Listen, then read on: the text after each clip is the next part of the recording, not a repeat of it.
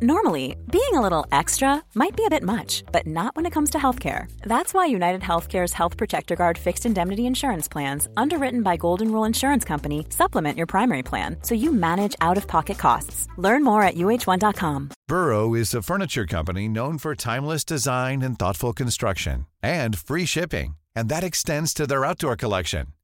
Their outdoor furniture is built to withstand the elements, featuring rust proof stainless steel hardware, weather ready teak and quick-dry foam cushions. For Memorial Day, get 15% off your Burrow purchase at burrow.com slash ACAST and up to 25% off outdoor. That's up to 25% off outdoor furniture at burrow.com slash ACAST. Hey there, it's Michelle Norris. I'm host of a podcast called Your Mama's Kitchen. When I travel, I'm usually looking for a way to find a taste of home when I'm not at home. And one of the things I love to do when I am at home is entertain. And Airbnb allows me to do that. When I was in California recently, I rented a house that had a great kitchen. And when we were sitting around the table, we were all thinking, we're in someone else's house. Someone could be in all of our homes as well. If you have a home, but you're not always at home, you have an Airbnb. Your home might be worth more than you think. Find out how much at airbnb.com/slash host.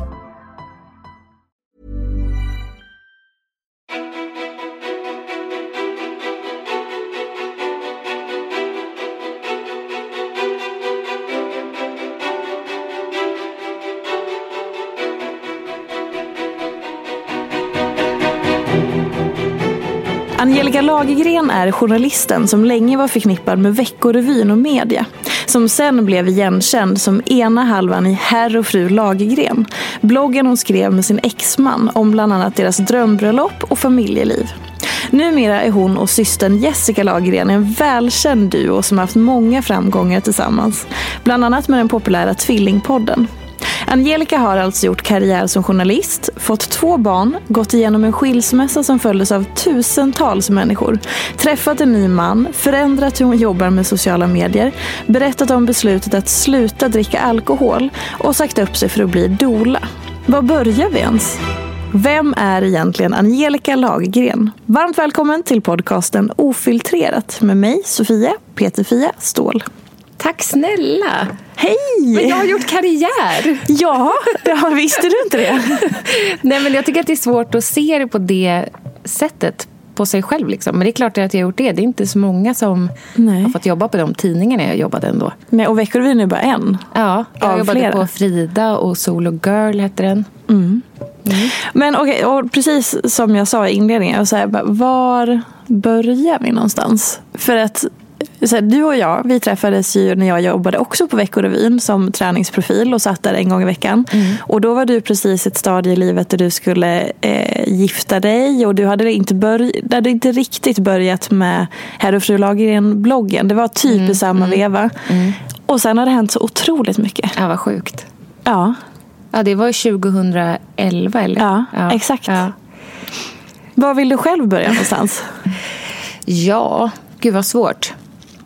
Jag är ju sån som gillar att gräva där jag står. Mm. Så att jag vill börja idag, eller det senaste som hänt. Ja. Att jag bara sa upp mig och utbildade mig till dola. Och nu känner jag i och för sig att det är klart att jag ska jobba med det. Mm. Men jag kommer inte kunna göra det på heltid. Eh, för den som inte vet vad en doula är, kan du Ja. berätta?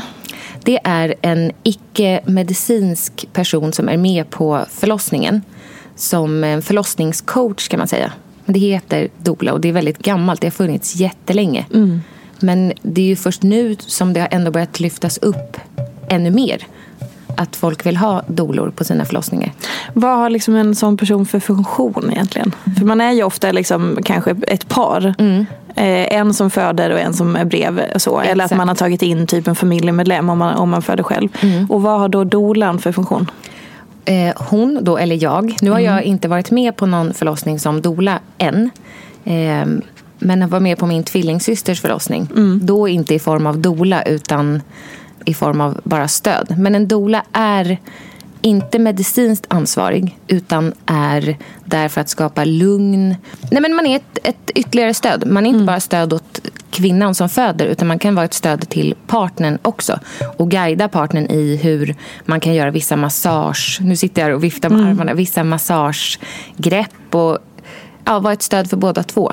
Det kan ju vara så att det är en lång förlossning, partnern kanske behöver sova och ja. då kanske hen får dåligt samvete och säger jag kan inte sova. Men mm. ingen människa kan vara vaken i 48 timmar. Man kan ju det, men det är jobbigt. Oh, Som doula är man heller inte med så länge utan man har eh, kollegor, backup-dolor. Ah, okay. Man klarar inte heller. Nej. 24 timmar tror jag skulle vara max. Sen får man ta in någon annan för då är man inte längre ett toppenstöd om man inte sover.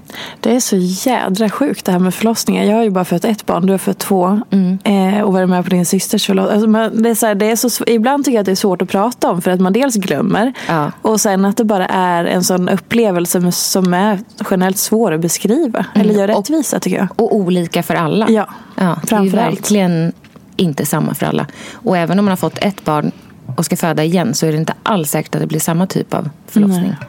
Som då för min tvillingsyster som hade en hemsk första förlossning och hennes andra kallar hon revanschförlossningen.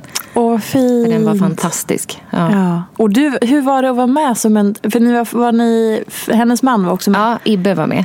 Så ni var tre? Ja, och tanken var att jag skulle vara med som fotograf. Ah. Jessica ville ha bilder, att jag skulle fota och filma. Och hon hade sagt innan så här, jag vill inte att du håller på och rör mig. Jag vill inte att du masserar mig med dina sushi-pinnarfingrar. Hon är så elak. Jag har inte sushi-pinnarfingrar. Eller så jag är jätteduktig på att massera. ja. Men hon var så här, du får vara där, du får fota. Ja. Men från det att jag mötte upp dem utanför eh, förlossningen. Jag var där före dem. så lämnade inte jag hennes sida. Hon ville heller inte att jag skulle lämna hennes sida. Jag fick eh, hålla om hennes höfter, ge henne massage. Jag var liksom en i teamet med barnmorskan och eh, undersköterskan. Mm. Och Ibbe, han skötte musik och han skötte hela... Han dukade upp ett stort bord med godis och mat och choklad. Han jobbar som... Eh, producent, regissör. Han jobbar ja. med reklamfilm. Ah. Så han tog liksom den rollen och var jättenöjd med det. Mm. Och Jessica var jättenöjd med att jag var den som var närmst. Gud vad intressant. Ja, och det var där jag bestämde att jag skulle bli dola. Mm. För det var som att, ja, jag, jag tror på Gud. Och det var som att Gud bara kom in i rummet och så här, vad håller du på med? Det är det här du ska göra. Nej, berätta ja. mer om det. På förlossningen blev det som ett uppvaknande. Mm. Då jobbade jag på Skin City, en webb, webbshop kan man säga, eh, med hudvårdsprodukter. Och eh, det, hade jag, det jobbet hade jag skaffat mig för att efter min skilsmässa så behövde jag någonting stabilt att stå på. Liksom en, en arbetsplats att komma till varje dag, samma tid. Jag behövde fasta rutiner kollegor. Jag hade ju Jessica som kollega men där kunde mm. ena dagen vara så här, jag ska vara hemma med mitt barn, kunde hon säga. Mm. Och då var jag så här, jaha, vad ska jag göra då? Mm. Så därför behövde jag verkligen ja, men fasta rutiner. Men då mitt under förlossningen så var jag så här, nej, du ska inte ha fasta rutiner. det sa inte Gud. nej. nej, men att eh, du måste lyssna inåt nu. Nu får du skärpa dig. Jag har ju mm. drömt hela mitt liv om att bli barnmorska. Och vara inställd under doula-utbildningen som var fyra dagar nere i Skåne så var jag fortfarande inställd på att ja, men jag går den här utbildningen, jobbar som doula men sen ska jag sätta mig i skolbänken och bli barnmorska. Mm. Men kände så starkt, också som ett uppvaknande där, att nej, nej, nej, det är inte barnmorska jag ska vara. Mm. Vilket, vilket var skönt att landa i eftersom det har varit en dröm så himla länge för mig att ja, men jag, vill, jag kände så här, jag är, jag är perfekt som barnmorska. Men det var två barnmorskor där som eh, föreläste. Mm. Och det är inte alls deras arbetsuppgifter jag vill ha. Jag vill ju vara nära den födande kvinnan.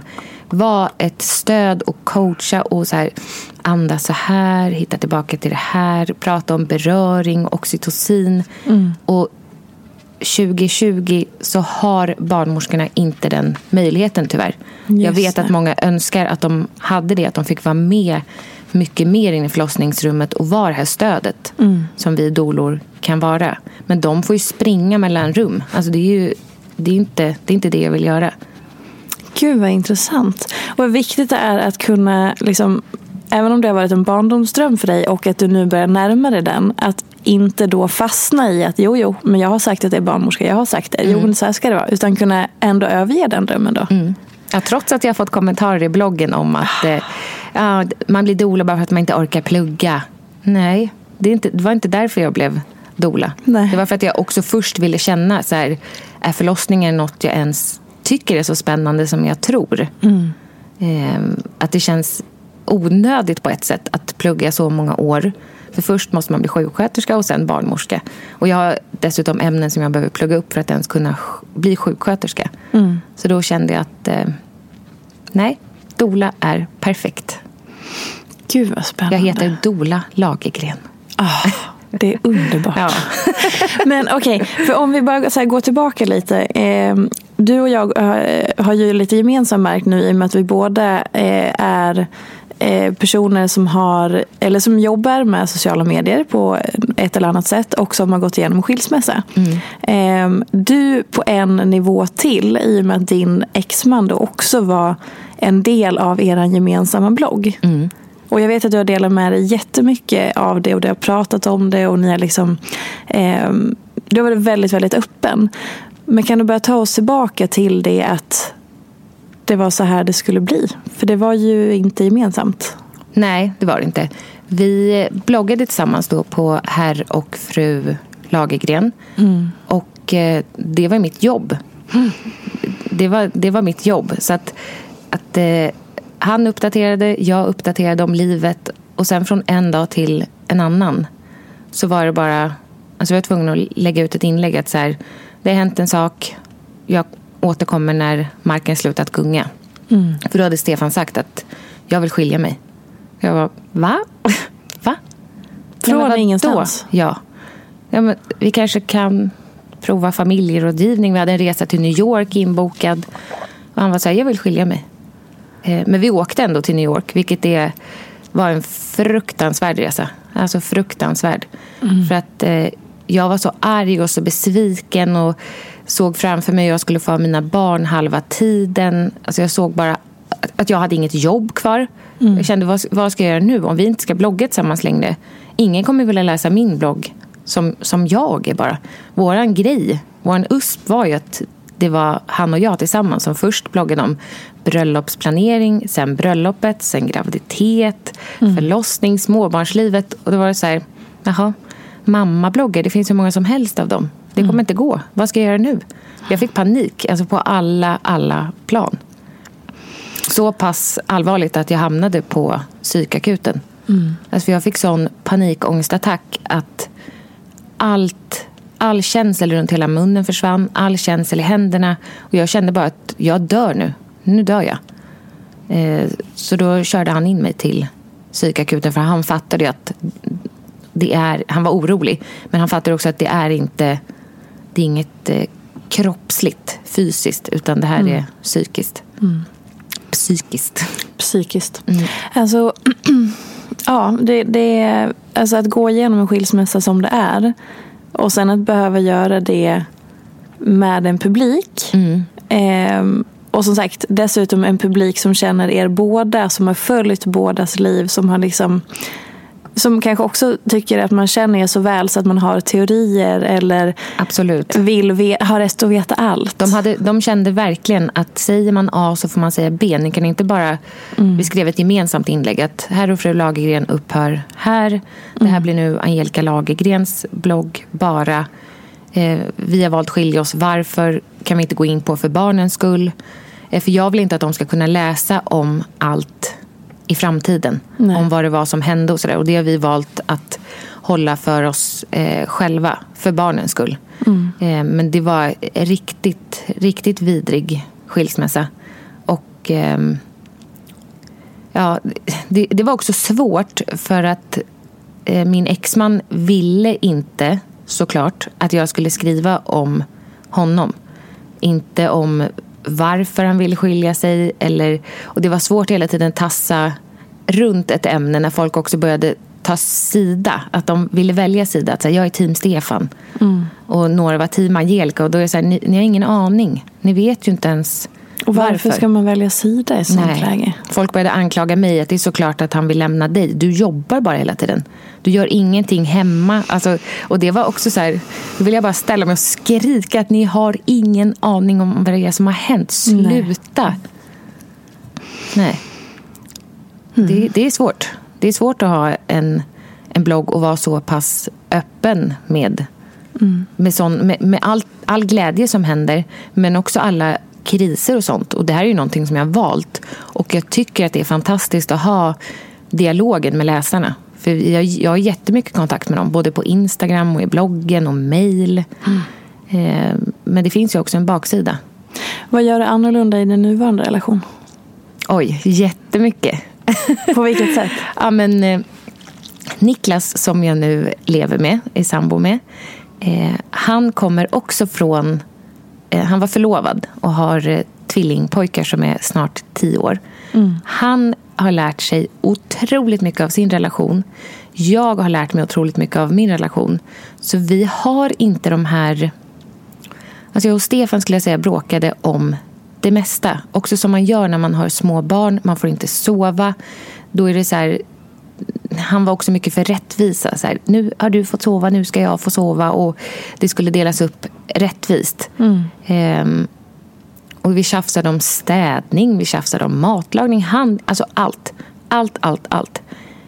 Jag och Niklas har strukit de bitarna för att vi har inget gemensamt barn. Just Utan det. Vi har barnen varannan vecka. Och när bar hans barn är hos oss så är Alice och Filip, mina barn, då också hos oss. Så mm. de är samtidigt. Men då är hans fulla fokus på sina barn och mitt fokus är på mina barn. Så jag lägger mig inte i hans uppfostran. Han lägger sig inte i min uppfostran. Mm. Han gör allt. Alltså han är ju van också eftersom han hade också separerat. Han är van att sköta allt ensam med barnen och jag är van att sköta allt ensam med barnen. Mm. Så där blir det, det blir liksom inga konflikter på det sättet. Intressant. Det som jag har lärt mig mest är att inte tjafsa om småsaker. Det är så onödigt. Men hur gör man när den impulsen kommer då? Biter ihop, tar tio djupa andetag. Och det går ju verkligen inte alltid. Nej. Speciellt inte när jag har PMS. alltså då, då, men då, då säger han så här. Angelica, vet du vad? Har, är det så att du har PMS? Ja. Är inte det den mest provocerande frågan som finns? Ja, exakt. Bara, Håll mm. käften. Det har jag. Det har jag. Så om du bara kan låta mig vara i fred. Och då låter han mig vara i fred. Mm. Och, så, och då påminns jag också om att just det, det, det är därför jag nu är sprakig och otrevlig. Och nu har vi varit tillsammans i snart två år. Hur var det att bli tillsammans med någon som redan har barn? Det var det jag ville allra helst. Mm. När jag, jag ska inte säga att jag letade efter någon, för just då när jag träffade Niklas så kände jag så starkt att så här, nej, jag ska inte gå in i någon ny relation nu. Jag hade haft en, en singelsommar och en singelhöst. Där jag hade träffat mycket olika män och eh, haft det väldigt eh, roligt. Men också inte träffat rätt riktigt. Så jag kände att nej, det är svårt att träffa någon ny och ta in någon ny och lita på den personen till 100 procent när man har blivit så sårad som jag hade blivit. Mm. Ehm, så kände jag att det är lika bra att inte ta någon så nära för att inte bli sårad igen. Men Niklas eh, höll sig kvar. Vi kallade honom maneten i början, som en som brännmanet som suger sig kvar. Han vägrade. Alltså så här, han bara, jag fattar att du har haft det tufft, jag fattar att du har ett bagage, jag fattar att det är jobbigt. Men jag vill vara med dig. Och uppenbart vill du vara med mig också, annars skulle vi inte ses så här mycket. Mm. Så vi behöver inte säga att åh, vi är tillsammans nu, vi planerar semester, utan jag finns vid din sida, jag håller dig i handen. Det var så fint. fint. Ja, han är så trygg och stabil. Men du frågade om barnen. Ja, just det. Ja. ja men det här var ett väldigt, väldigt härligt sidospår. Men fortsätt gärna. Ja, jag ville träffa någon som hade barn för att jag tror att det är svårt för någon som inte har barn att förstå att många, de allra flesta tror jag skulle säga, sätter sina barn främst. Mm. Att det är svårt att komma in i den typen av konstellation och finna sig i att jag kommer aldrig vara Angelicas nummer ett på det sättet, för hon har barnen. Mm. Eh, och Niklas barn är precis som mina barn hans nummer ett. Deras, mm. alltså allt med dem går före. Mm. Och det kände jag så starkt att här, jag, vill, jag vill träffa någon som har barn som vet vad det innebär. Och jag vill gärna träffa någon som kanske känner sig lite klar just för att slippa konflikterna med ett gemensamt barn. Just det. För no några gånger har jag känt så här, men det vore ju ändå härligt om en liten del av dig, en liten del av mig. Mm. Och sen var nej. nej. Nej, det vore inte så härligt. Vad är det som gör att du känner att det inte vore så härligt? För att eh, vi har den tiden vi har nu, bara han och jag. Och det känns otroligt stärkande och viktigt för relationen. Mm. Som man ju faktiskt inte får när man har barn tillsammans. Mm. Då lämnar man bort sitt barn till mormor eller farmor eller så mm. när man ska gå på en fest. Eller eh, kanske gå ut och äta. Det är ju väldigt sällan man säger kan ni snälla ta hand om lilla Alice här för att vi vill bara sova ett dygn. Mm. Det gör man ju inte. Nej, Nej. verkligen inte. Eh, så att jag känner att det är perfekt. Jag har alltid drömt om att få tvillingar. Och så träffar jag Niklas som har tvillingar och jag har alltid velat ha fyra barn. Nu har jag fyra barn. Wow, ja. Gud vad fint. och en hund. och en hund och nytt hus. Mm. Ja, lägenhet. Ja, okej okay då. Lägenhet. Sålde ni hus? Han... Ja, han sålde sitt hus, jag sålde du hade mitt ett hus. hus. Mm. Ja. Så flyttade vi till en lägenhet. Men vi letar hus.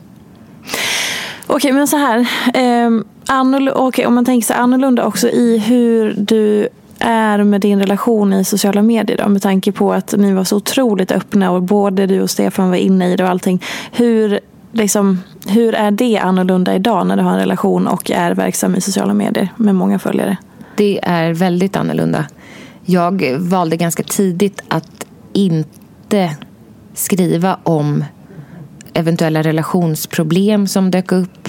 Ehm, det är klart att jag skriver om Niklas. Jag lägger ofta ut kärleksförklaringar till honom på Instagram men det är ingenting som är privat. Det, det var svårt med mig och Stefan för vi hade, det fanns inte riktigt någon spärr där. Utan där kunde vi säga, hur gör ni andra småbarnsföräldrar med sexlivet? Mm. Det blir ju inte så mycket sex när man har små barn. Sånt lämnar jag eh, ute. Alltså de intima sakerna och ja, men Niklas har inte valt att synas i sociala medier. Det hade ju Stefan valt. Mm. Eh, Niklas barn har jag inte med överhuvudtaget. För att, dels för att jag känner att de är tio år, de kan läsa, deras kompisar kan läsa. Eh, jag skriver inte om dem och folk är så här, Var, varför gör inte ni saker hela familjen? Kan de kommentera i bloggen. Mm. Ja, vi gör saker hela familjen men jag, jag, skriver inte med att nu har vi varit i stallet eller nu har vi gjort det här. Utan det brukar jag utelämna för deras skull. För att mm. jag vill inte att deras kompisar, jaha jag såg vad du gjorde i helgen. Nej. Mm. Nej. Och det får man ju se hur jag ska göra med Alice och Filip längre fram också. De är bara fyra och fem än så länge. Mm. Hej, jag Ryan Reynolds. Recently, I asked Mint Mobiles legal team if big wireless companies are allowed to raise prices due to inflation. They said yes. And then when I asked if raising prices technically violates those onerous two-year contracts, they said, what the f*** are you talking about, you insane Hollywood ass?" So to recap, we're cutting the price of Mint Unlimited from $30 a month to just $15 a month. Give it a try at mintmobile.com slash switch. $45 up front for three months plus taxes and fees. Promoting for new customers for limited time. Unlimited more than 40 gigabytes per month. Slows. Full terms at mintmobile.com. Many of us have those stubborn pounds that seem impossible to lose, no matter how good we eat or how hard we work out. My solution is plush care. PlushCare is a leading telehealth provider with doctors who are there for you day and night to partner with you in your weight loss journey. They can prescribe FDA-approved weight loss medications like Wagovi and Zepbound for those who qualify. Plus, they accept most insurance plans. To get started, visit plushcare.com slash weight loss. That's plushcare.com slash weight loss.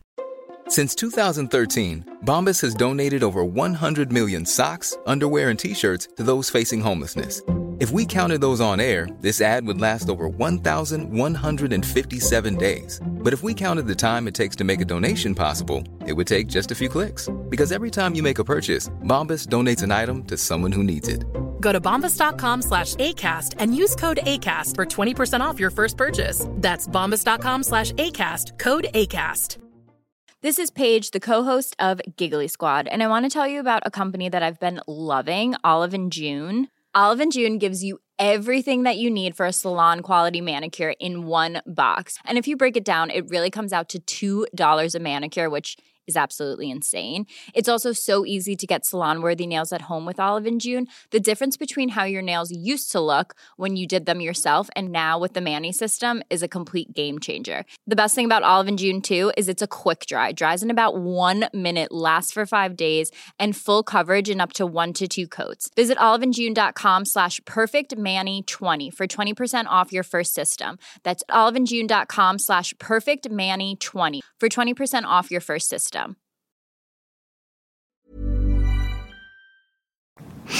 Ehm, i, just i det här med eh, skilsmässa, i och med att jag också går igenom en skilsmässa nu, så, och det verkar vara det, det verkar vara så otroligt många i relationer som eh, inte vill vara i sina relationer. Har jag upptäckt sen jag började berätta att vi har separerat och vi går igenom det här.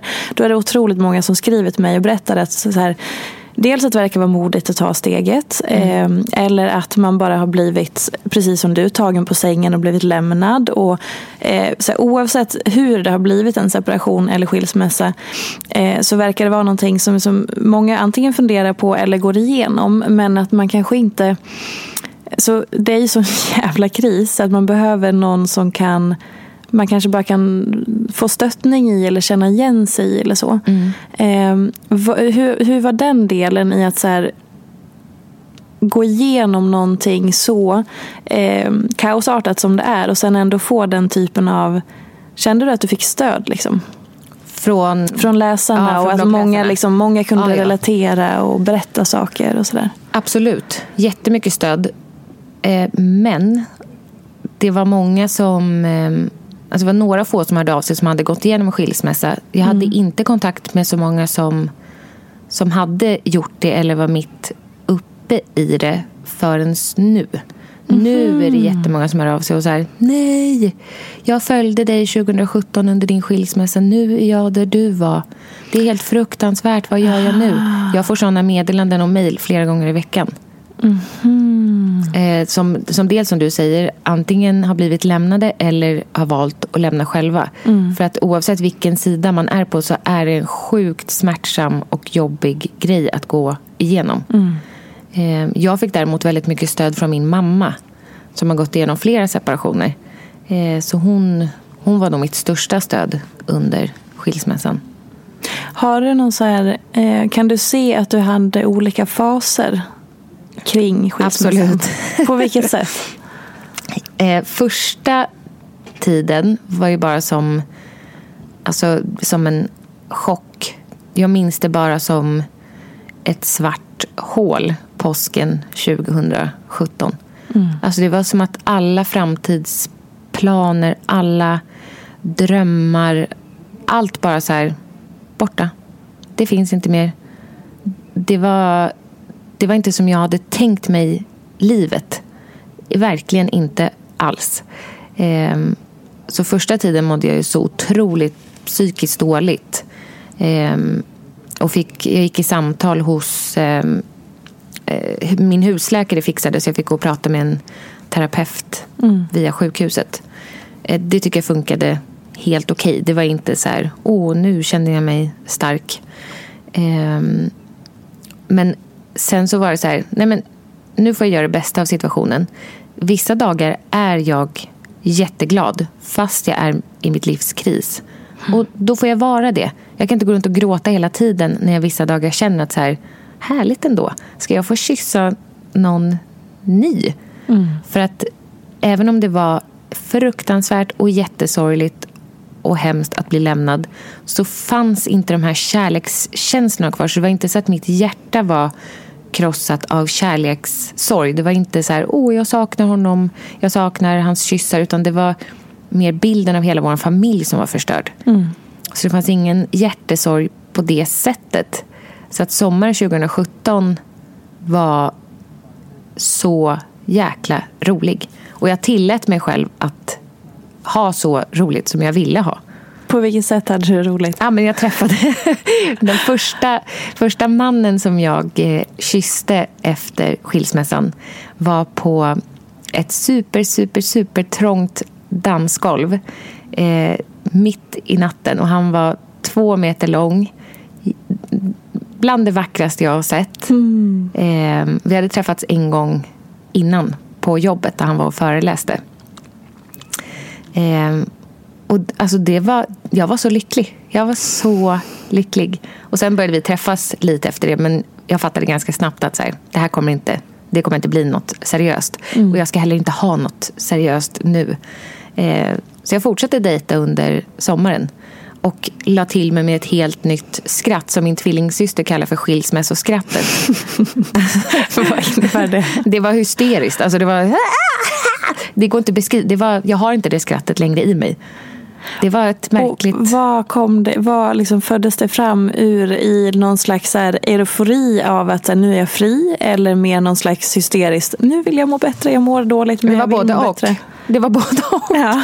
Alltså vissa dagar, eller vissa timmar var så här, åh jag är fri, jag får göra vad jag vill. Och jag kände att min, den här spontana sidan som jag hade tryckt tillbaka lite när jag blev förälder, den fick liksom komma ut igen. Jag kunde bo på hotell när jag ville, när jag inte hade barnen. Mm. Jag kunde eh, sova över hos någon. Jag var med i en intervju i DN och då sa jag att eh, jag kan dricka vin mitt på dagen och gå och lägga mig och sova om jag vill. Det låter ju deppigt nu när jag tänker på det. Men då var det bara så här, gud, vilken ja. frihet. Det var en sån frihetskänsla. Samtidigt som jag nästa dag kom hem till radhuset där det låg, det är fortfarande så jobbigt, mm. där det låg en halväten ostsmörgås, en, någon liten strumpa, alltså där man såg spåren av ja. barnen. Det var helt, det var helt fruktansvärt. Mm. Då kände jag att så här, vad håller jag på med? Det är ju mamma jag ska vara. Och så går man in i rollen som mamma. Vi hade två, två, tre då. Så jag hade barnen två dagar. Han hade barnen två dagar och sen hade man helgen mm. med barnen. Eh, det var väldigt jobbigt att kastas emellan det här, jag är fri, till att nu är det fredagsmys med tacos. Och sen, jag är fri. Det var, mm. det var svårt att hitta en balans. Föredrar du nu att ni, har ni, nu har ni varannan vecka? Nu har vi varannan vecka. På vilket sätt? Är det bättre eller annorlunda? Eller? Jag känner att både jag och barnen hinner landa i att så här, nu är det mamma-vecka. Nu är det så här och så här många dagar de ska vara här. Man planerar inköp av mat och planerar en hel veckas mat, vad man ska äta. Mm. Förut var det, nej, det var otroligt hattigt. Men det behövdes, för barnen var så små när vi skilde oss. Mm. Så att det hade inte funkat med en vecka ifrån varandra då. Vilken ålder var de i? Eh, 2017 Filip var bara två år. Mm. Och Alice tre. Mm. För det är inte många månader mellan dem heller. Nej, 13 och en halv. På vilket sätt, för det har jag märkt att sen när, för jag har ju också en tvååring hemma mm. eh, och vi separerade i somras och på, jag har märkt att många tar för givet att det är barnen mm. som gör, alltså det är klart att barn påverkar relationer på mm. massa olika sätt mm. som kanske inte är så alltid lätta eller bra. Men det är ju inte alltid därför som man går isär. Eh, bara för att man har små barn. Nej. Känn, har du fått den också? Alltså, jaha, ni skiljer för att ni har småbarn hemma? Ja, ja, och jag tänkte nu direkt, jag bara okej, okay, två år, det är ja. klassiker. Det är ju många som går ja. från varandra just då. Men upplevde du att det var just den klass, om man nu får kalla det för klassiker, men du förstår, att det, var, att det var en bidragande ja, orsak? Absolut. Mm. Och det är det ju inte för alla. Nej. Eh, och för oss, jag vet inte. Det här kanske hade kunnat hända även om vi inte hade barn. Mm. Det vet man inte. Jäkla intressant. Nej. Ja, så, jag, överlag så bara, eh, det jag har med mig väldigt mycket i det här är att så här, många vill, alltså många är otroligt så här, stöttande och gulliga och vill ge all sin omtanke. Men den senaste tiden har jag börjat irritera mig på, och det är säkert någonting för att jag håller på med någonting i mig, men att man så läser någonting som man har delat med sig av och sen så lägger man in allt det man själv tycker, tänker, upplever. Och så bestämmer man att så är det för den som skriver det här också. Mm. Och så drar man en slutsats från det. Mm. Känner du igen vad jag menar? Ja, absolut. irriterande. Ja, måste ja, jag säga. det är det. Ja, det är det. Men eh, okej, så här då. Om vi går vidare från din, liksom, du träffade honom, ni dejtade, det var liksom din singel och ha kul-fas. Mm. Och sen lite så här ambivalent mellan nu är jag mamma och kasta sig där. Vad var det för fas sen? Sen var det en fas av att jag började i KBT. Jag kände efter sommaren att det här är inte hållbart. Alltså jag, jag mår inte bra. Även om jag försöker utåt så här, "Hej, det är jättehärligt. Jag hade gått ner massor i vikt. Jag åt godis till middag. Alltså jag, hade, jag, jag mådde inte bra. Nej. Jag rörde på mig. Alltså jag gick till och med till min läkare och sa, är det farligt att, att gå ut och gå fem timmar om dagen? Han bara, nej. Bara, nej, men det är något som inte stämmer. Det är som kolsyra i hela kroppen. Jag kan liksom inte bli av med det. Jag måste bara röra på mig, röra på mig, röra på mig hela tiden. Han bara, ja. Men, Ja. ok- Okej. Är det farligt? Han bara, nej, det är inte farligt. Jag bara, nej, okej, men det känns inte bra. Så då tog jag själv hjälp av en KBT-terapeut som heter Sebastian. Som förändrade hela mitt liv. Alltså han... Det är inte, egentligen så det är samma sak som med doula-yrket. Det är ju inte egentligen han som person som förändrade mig. För det är jag själv som har gjort den här resan. Och samma sak som doula. Det är inte jag som doula som gör att din förlossning blir helt fantastisk. Utan det är du själv som föder. Men för mig han fick mig att fullfölja för första gången någonsin. Jag har gått i terapi flera gånger. Men alltid efter tre, fyra gånger så här. "Ja, jag mår inte, jag är lite krasslig i halsen vet du, så att jag kan inte komma den här veckan. Nej, då ses vi nästa vecka. "Ja, det är lite mycket på jobbet, så har jag bara låtit det rinna ut i sanden. Men Sebastian lät inte mig göra det, utan vi började alltihopa med att så här, jag vill att vi skriver ett avtal oss emellan. Det är inte juridiskt bindande, men det är ett avtal mest för en egen skull att jag går in i det här helhjärtat. Jag kommer att eh, göra allt för att fullfölja de här 15 gångerna. Och det gjorde jag och fortsatte. Jag fortsatte efter. Alltså, jag är fortfarande chockad över det, för det Ja. var vidrigt. Alltså, det, var, det var så jobbigt att gå den här KBT'n så att det var inte alls vad jag hade föreställt mig. Okej, gud så många frågor. Dels var jag så här, vad har han för nummer? Jag vill också gå. Han jobbar tyvärr inte som... Han har startat en app, men han jobbar inte aktivt längre. Men så här, vad var det som gjorde, som gjorde sånt intryck på dig? Att du eh, kände att det här var någonting helt annorlunda mot det tidigare? Dels så tror jag att det var för att jag träffade en man. Så jag tycker att jag fick hans, även om han inte berättade om sitt liv, så fick jag en annan känsla och en annan vinkel. Mina andra terapeuter har varit kvinnor. Och jag kan uppleva att några av dem jag träffade var lite bittra. Eller det- lite så här, och han var inte det. Han var bara så här, okej, men kan du försöka se det ur hans synpunkt? Syn, vad heter det? Synvinkel. Synvinkel. Eh, nej men, det, det var något med honom bara som fick mig att öppna upp mig. Han var ju en total främling och jag kunde berätta allt. Verkligen allt, allt, allt. Ehm, och jag fick sådana bra verktyg av honom att jobba med. Och han kunde berätta eh, alltså så här, din ilska till exempel, den är som ett skenande tåg och du måste stoppa det innan det ens börjar rulla iväg. För du låter det rulla iväg och rulla iväg. Jag hade problem med att jag så fort jag blev arg sa otroligt elaka saker. Alltså saker som man inte säger. Man får inte säga sådana saker för det, det är på vissa sätt alltså, det är olagligt att slåss. Jag själv levt, nu blir det jättespretigt, men jag själv levt i en relation där jag blev slagen.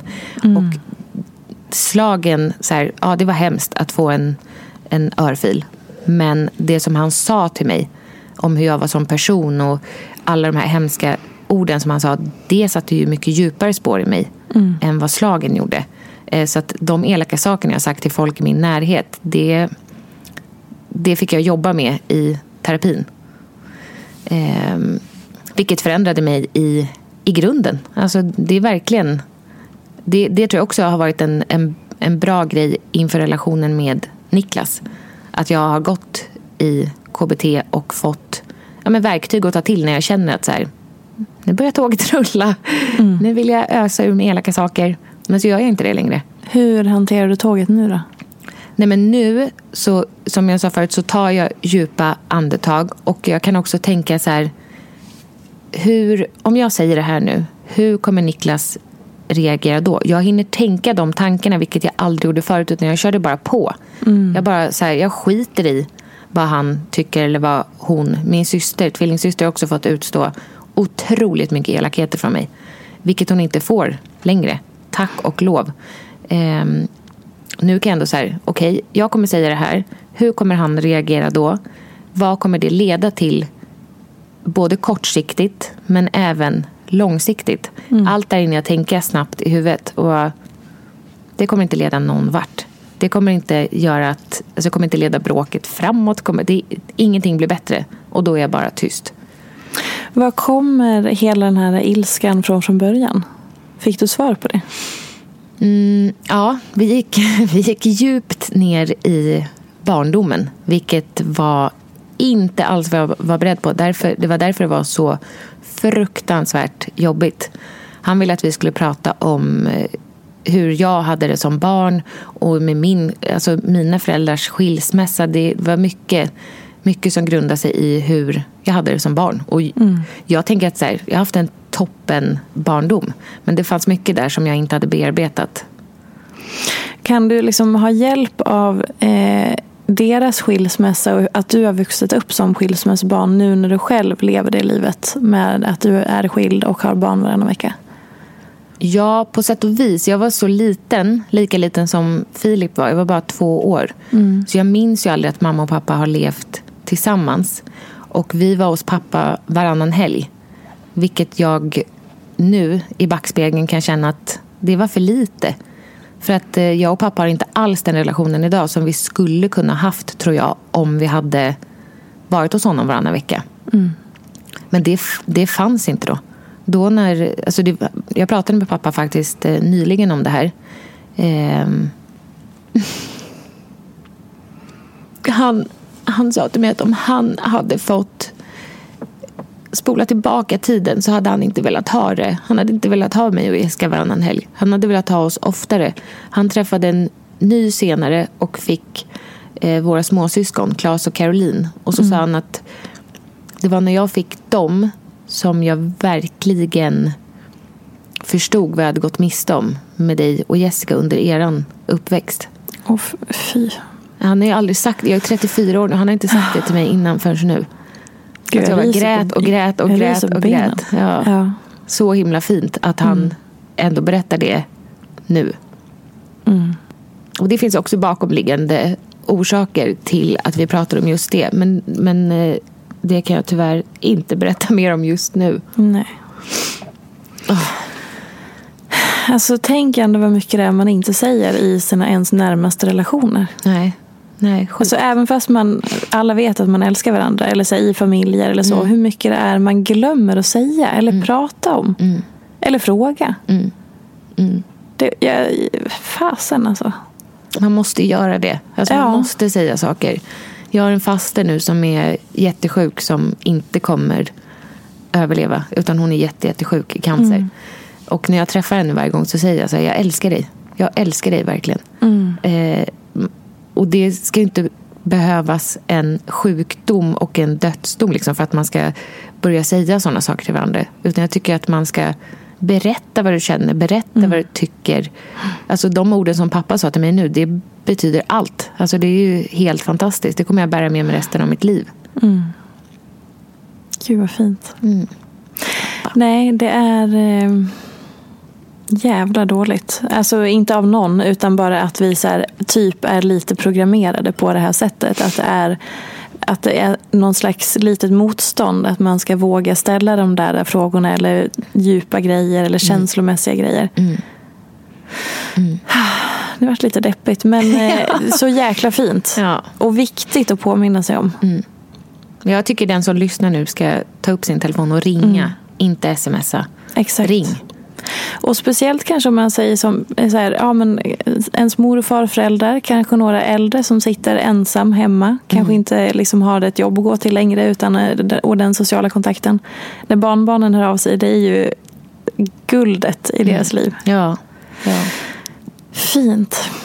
Okej, men om vi så ska samla ihop det här. Om, eftersom vi har pratat ganska mycket om att så förändra livet och den krisen som kan komma eller som uppenbarligen kommer just separation eller skilsmässa eller bara att inte få vara med sina barn. Mm.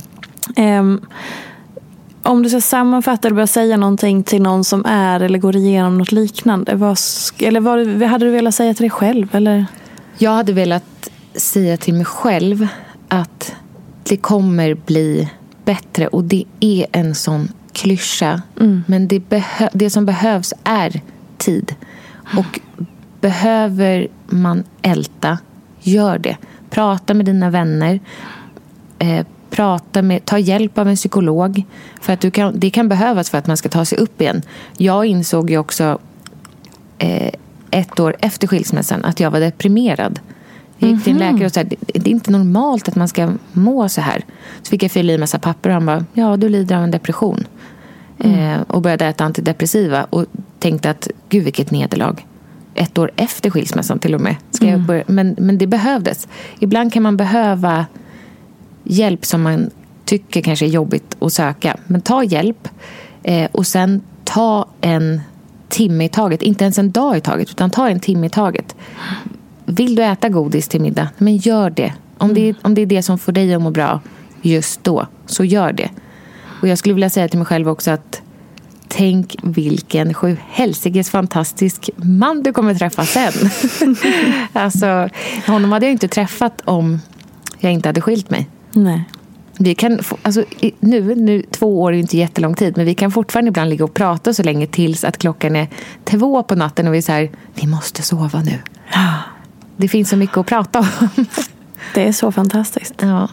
Ja, men och som du säger, alltså, det, det som är här och nu gör jävligt ont. Men det kommer ju inte alltid att vara så. Nej. Och det är egentligen vad man än går igenom i livet så kan man ju ha det med sig. Även om det känns som att allt det här som är nu kommer vara så här jämnt. Men det kommer bli bättre, precis som du säger. Det är så viktigt. Men det är också tungt när man är i det. Verkligen. Jättetungt. Gud ja. Det är svårt att se att så här, ja, det kommer komma en tid där jag är mer glad än ledsen och jag inte längre är arg och besviken och sårad. Ehm, ja, det- jag eh, kan fortfarande bli ledsen, alltså som, som du har märkt nu när vi har pratat. Att vissa saker gör fortfarande jätteont. Och kommer förmodligen göra ont i många år till. Ehm, men mestadels så mår jag ju super, superbra. Fint. Tack. Tack! Vill du säga något avslutande? Ja, men anlita mig som doula om du är Ja, gravid. såklart. Ja. Du kan läsa mer på dolalagegren.com. Mycket bra. Dola jag- om jag får göra reklam för mig själv. Det får du verkligen göra. Och också vill jag ju höra mer om din skilsmässa. Det Så vi vill du. fortsätter inspelningen nu när jag tar Absolut. över. Ja, precis. Det tar vi efter. Tack så jättemycket för att du ville komma hit och gästa och dela med dig. Och ta med er påminnelsen från Angelica nu om att ring någon. Berätta vad man känner. Ställ de här frågorna man undrar. Det är fint. Och följ på Angelica Lagergren såklart. Överallt. Puss och kram. Och Tvillingpodden. Puss och kram. Hej då! Följ mig gärna i sociala medier. Jag heter Peterfia på Instagram och bloggar på peterfia.se kontakt med mig så gör du det på info.ptfia.se. Jag vill rikta ett stort tack till Acast för studio och stöttning och ett stort, stort tack till geniet Elin Sjödén som klipper den här podcasten.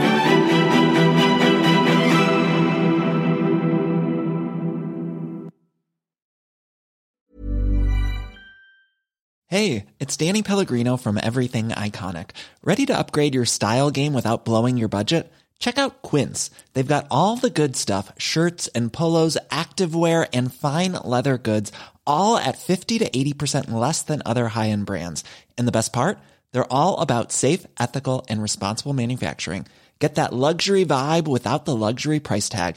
Hit up quince.com slash upgrade for free shipping and 365 day returns on your next order. That's quince.com slash upgrade. Mom deserves the best, and there's no better place to shop for Mother's Day than Whole Foods Market. They're your destination for unbeatable savings, from premium gifts to show-stopping flowers and irresistible desserts. Start by saving 33% with Prime on all body care and candles. Then get a 15-stem bunch of tulips for just $9.99 each with Prime. Round out Mom's menu with festive rosé, irresistible berry chantilly cake, and more special treats. Come celebrate Mother's Day at Whole Foods Market.